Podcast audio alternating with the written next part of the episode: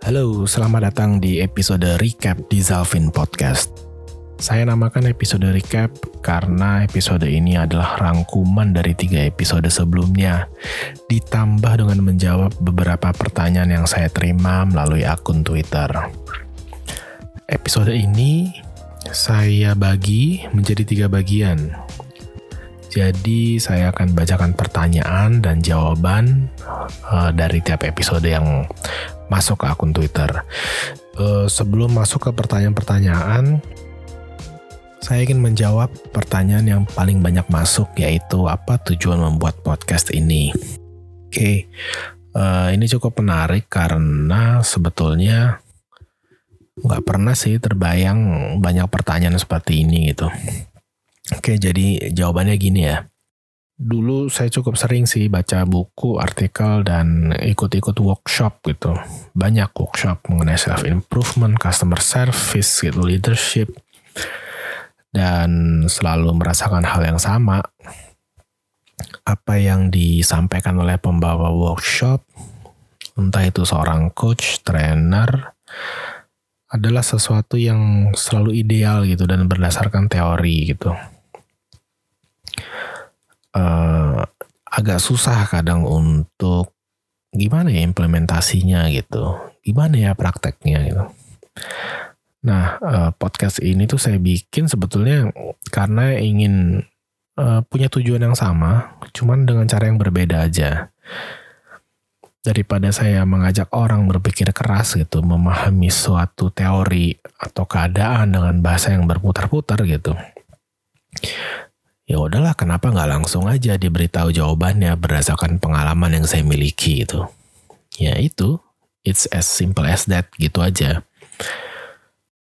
Banyak banget topik di kepala saya yang ingin saya keluarkan dan tentu saja ya podcast menjadi media yang tepat nah uh, kurang lebih jadi itu jawabannya. Oke. okay.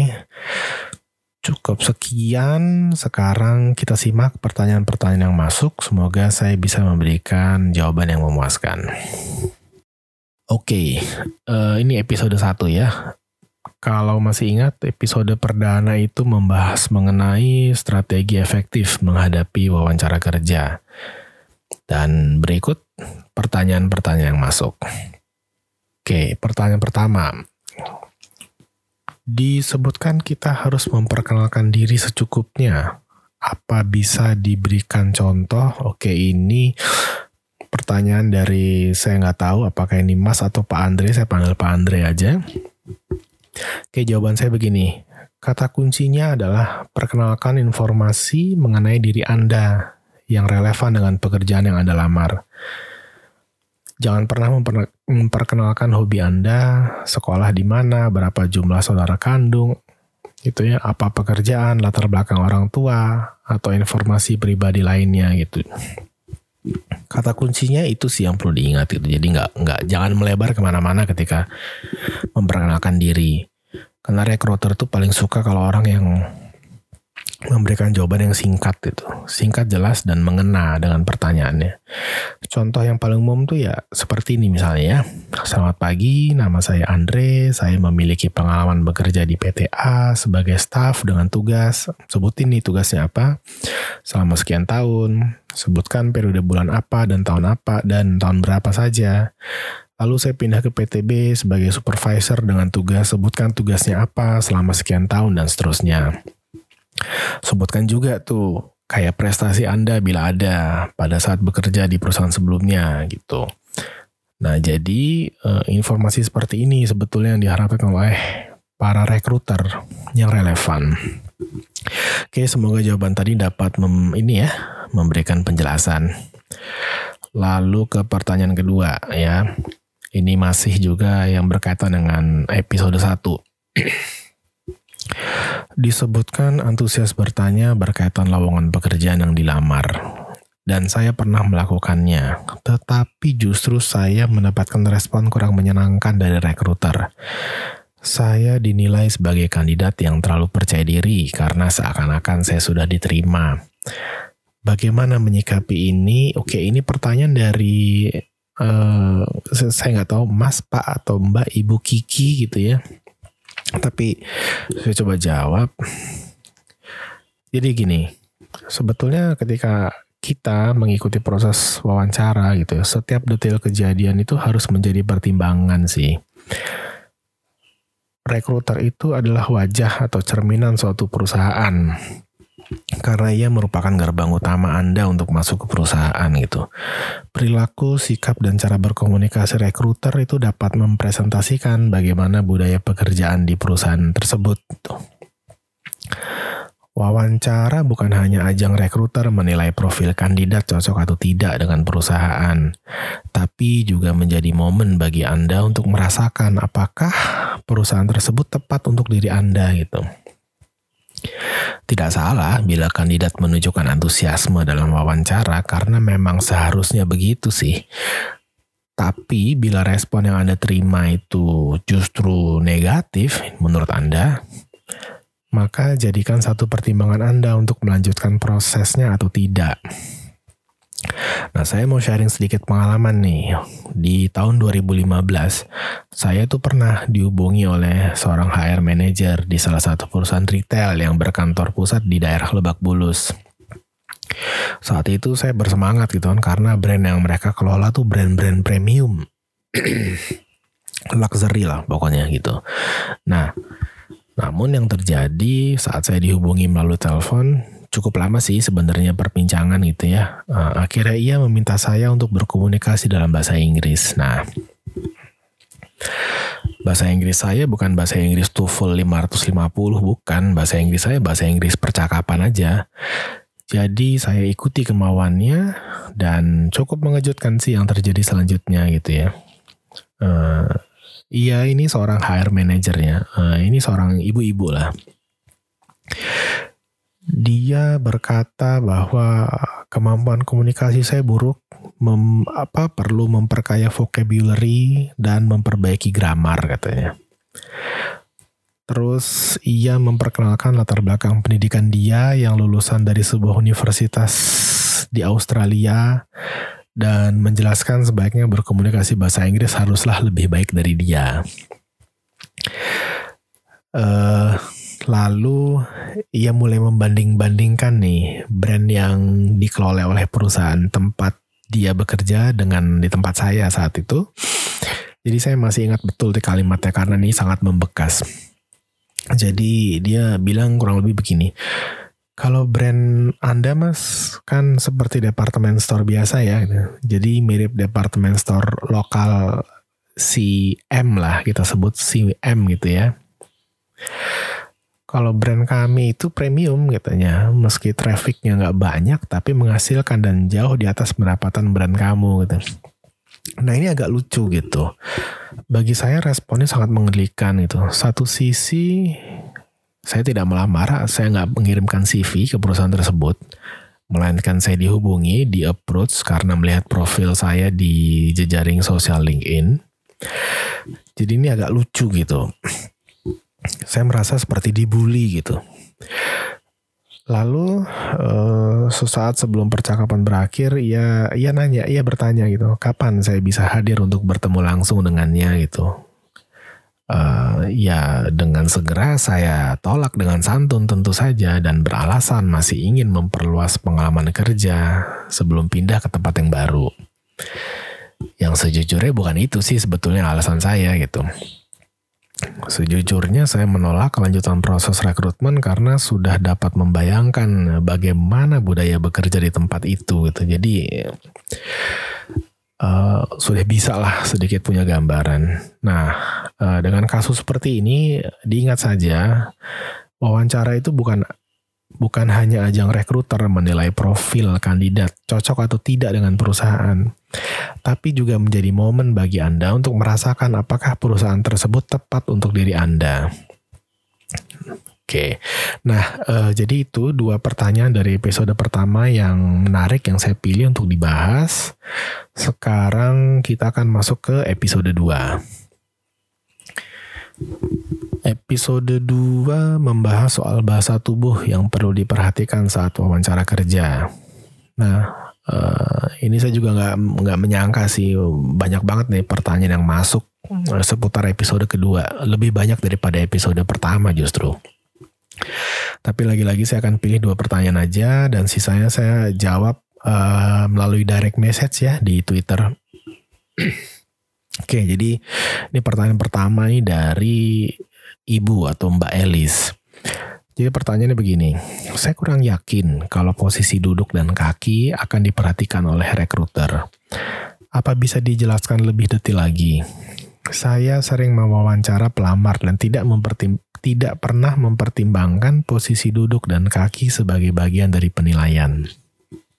Oke, ini seru juga nih. Halo Ibu Mbak Elis, salam, uh, salam kenal sesama kolega. Oke, uh, penjelasan saya secara pribadi seperti ini.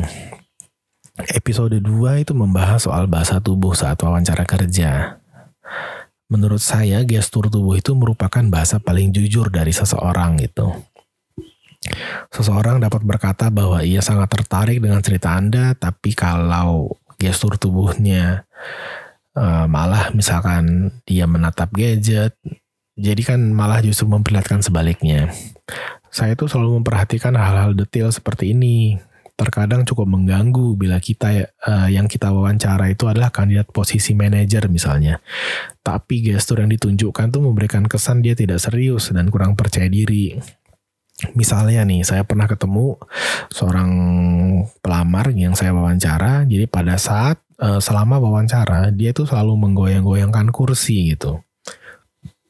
Buat saya ini mengganggu gitu profil dan pembawaan diri itu sangat penting karena di satu sisi saya perlu mempertahankan image perusahaan lah dengan merekrut kandidat yang tepat secara profil, perilaku dan pengalaman. Jadi itu sih sebetulnya alasan saya, Mbak Ibu, Mbak Elis. Uh, kita bisa, kita boleh punya perbedaan, tapi ini menurut saya. Oke, sekarang ke pertanyaan kedua. Ini pertanyaan dari Pak atau Mas Abdul. Nah, saya nggak tahu nih Abdul mana nih. Moga-moga bukan Abdul di tempat saya yang bekerja ya. Jadi pertanyaannya begini, saya pernah mewawancara seorang kandidat. Ia sangat antusias menceritakan pengalaman kerjanya. Tapi pada saat giliran saya menjelaskan peran dan tanggung jawab posisi yang ia lamar, saya melihat tatapan matanya kosong, sehingga saya berulang kali bertanya apakah ia menyimak atau tidak. Di sisi lain, saya sangat terkesan dengan pengalaman kerjanya, gaya komunikasinya, dan sikap santun yang ditunjukkan selama wawancara. Kalau ketemu kandidat seperti ini, sebaiknya gimana ya? Oke, eh, saya coba jawab ya. Sebetulnya banyak penyebab mengapa kandidat bersikap demikian saya akui bahwa sebagai rekruter memang sangat mengandalkan insting gitu ya. Insting ini yang dibentuk dari pengalaman. Dan buat saya kesan pertama yang ditangkap selama 5 sampai 10 menit pertama itu penting. Ada masa sepersekian menit atau sepersekian detik gitu ya, di mana kandidat itu akan menunjukkan dirinya sebenarnya terkadang apa ya mm, tatapan kosong yang ditunjukkan itu mungkin sebagai respon alami dia setelah mengetahui peran dan tanggung jawab yang sedang ia lamar. respon ketidakmampuan, ketidakpahaman, atau memang begitulah cara kandidat memproses sebuah informasi. Nah, kita tuh harus fair memperlakukan kandidat. Bila secara mayoritas atau lebih banyak memiliki kecocokan dengan posisi yang dilamar, ya sebaiknya dilanjut saja. Karena kalau uh, contoh misalkan dari 10 persyaratan yang di, di, dibutuhkan dia memenuhi 9 dan hanya satu misalkan mengganggu soal gestur tadi gitu ya, tatapan kosong. Ya saya kalau buat saya saya akan teruskan gitu. Nah, uh, itu adalah dua pertanyaan nih untuk episode kedua. Oke, untuk sisanya saya akan balas melalui uh, direct message di Twitter. Sekarang kita ke episode. Ini episode 3 ya, episode 3 ini yang terakhir. episode ini membahas soal negosiasi gaji saat wawancara kerja.